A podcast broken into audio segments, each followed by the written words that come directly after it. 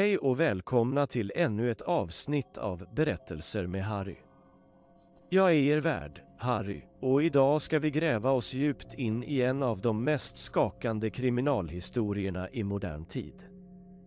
Det är historien om Dr. Harald Shipman, en brittisk läkare som blev känd som dödsläkaren på grund av sina fasansfulla brott. Luta er tillbaka, förbered er på spänning och följ med mig när vi utforskar denna mörka berättelse. För att förstå Dr. Harald Chipman och hans motiv måste vi först undersöka hans familjebakgrund. Harald Fredrik Chipman föddes den 14 januari 1946 i Nottingham, England. Hans far var en bokbindare och modern var hemmafru. Från början verkade det som att Harald hade en relativt normal uppväxt. Men hans väg mot ondska skulle snart börja ta form. Redan som ung visade Harald en ovanlig fascination för döden. Han tillbringade mycket tid på kyrkogården och läste om berömda seriemördare.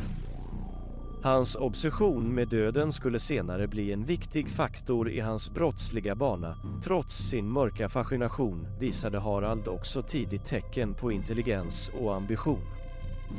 Han var en utmärkt student och efter att ha avslutat gymnasiet gick han vidare till medicinstudier vid universitetet i Leeds.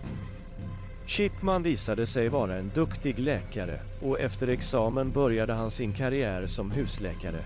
Men det var i hans yrkesroll som läkare som Chipman skulle använda sin position för att utföra sina fruktansvärda brott. Han började förskriva onödiga mängder morfin till sina patienter och injicerade det direkt i deras blodomlopp. Detta ledde till att hans offer, oftast äldre personer, snabbt förlorade medvetandet och till slut avled.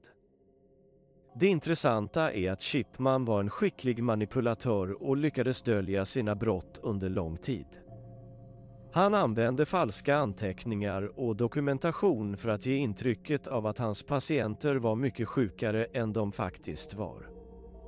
Detta gjorde det svårt för någon att ifrågasätta hans agerande. Chipmans offer var i huvudsak äldre kvinnor. Han valde medvetet sina offer baserat på deras ålder och sociala situation.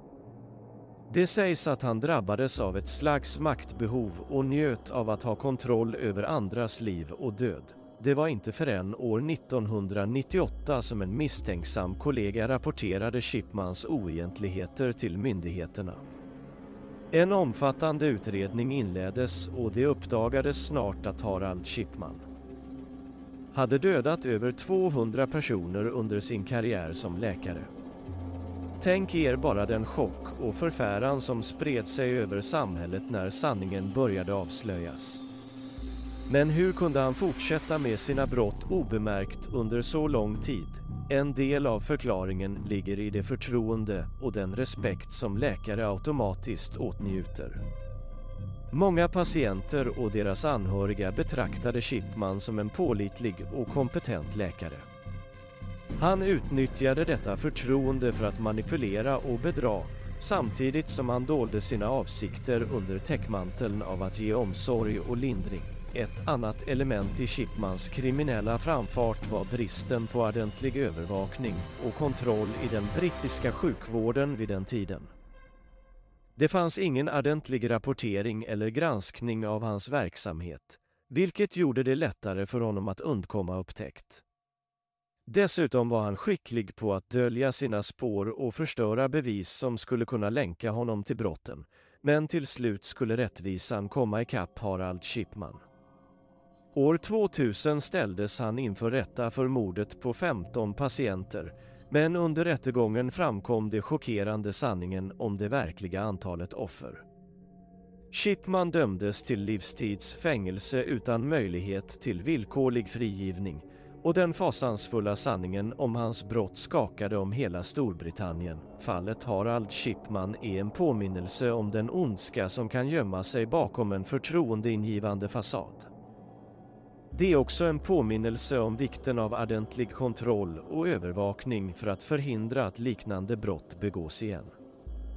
Shipmans historia är både skrämmande och fascinerande på samma gång Och den lämnar oss med många obesvarade frågor. Varför valde Chipman att bli läkare om hans fascination för döden var så stark?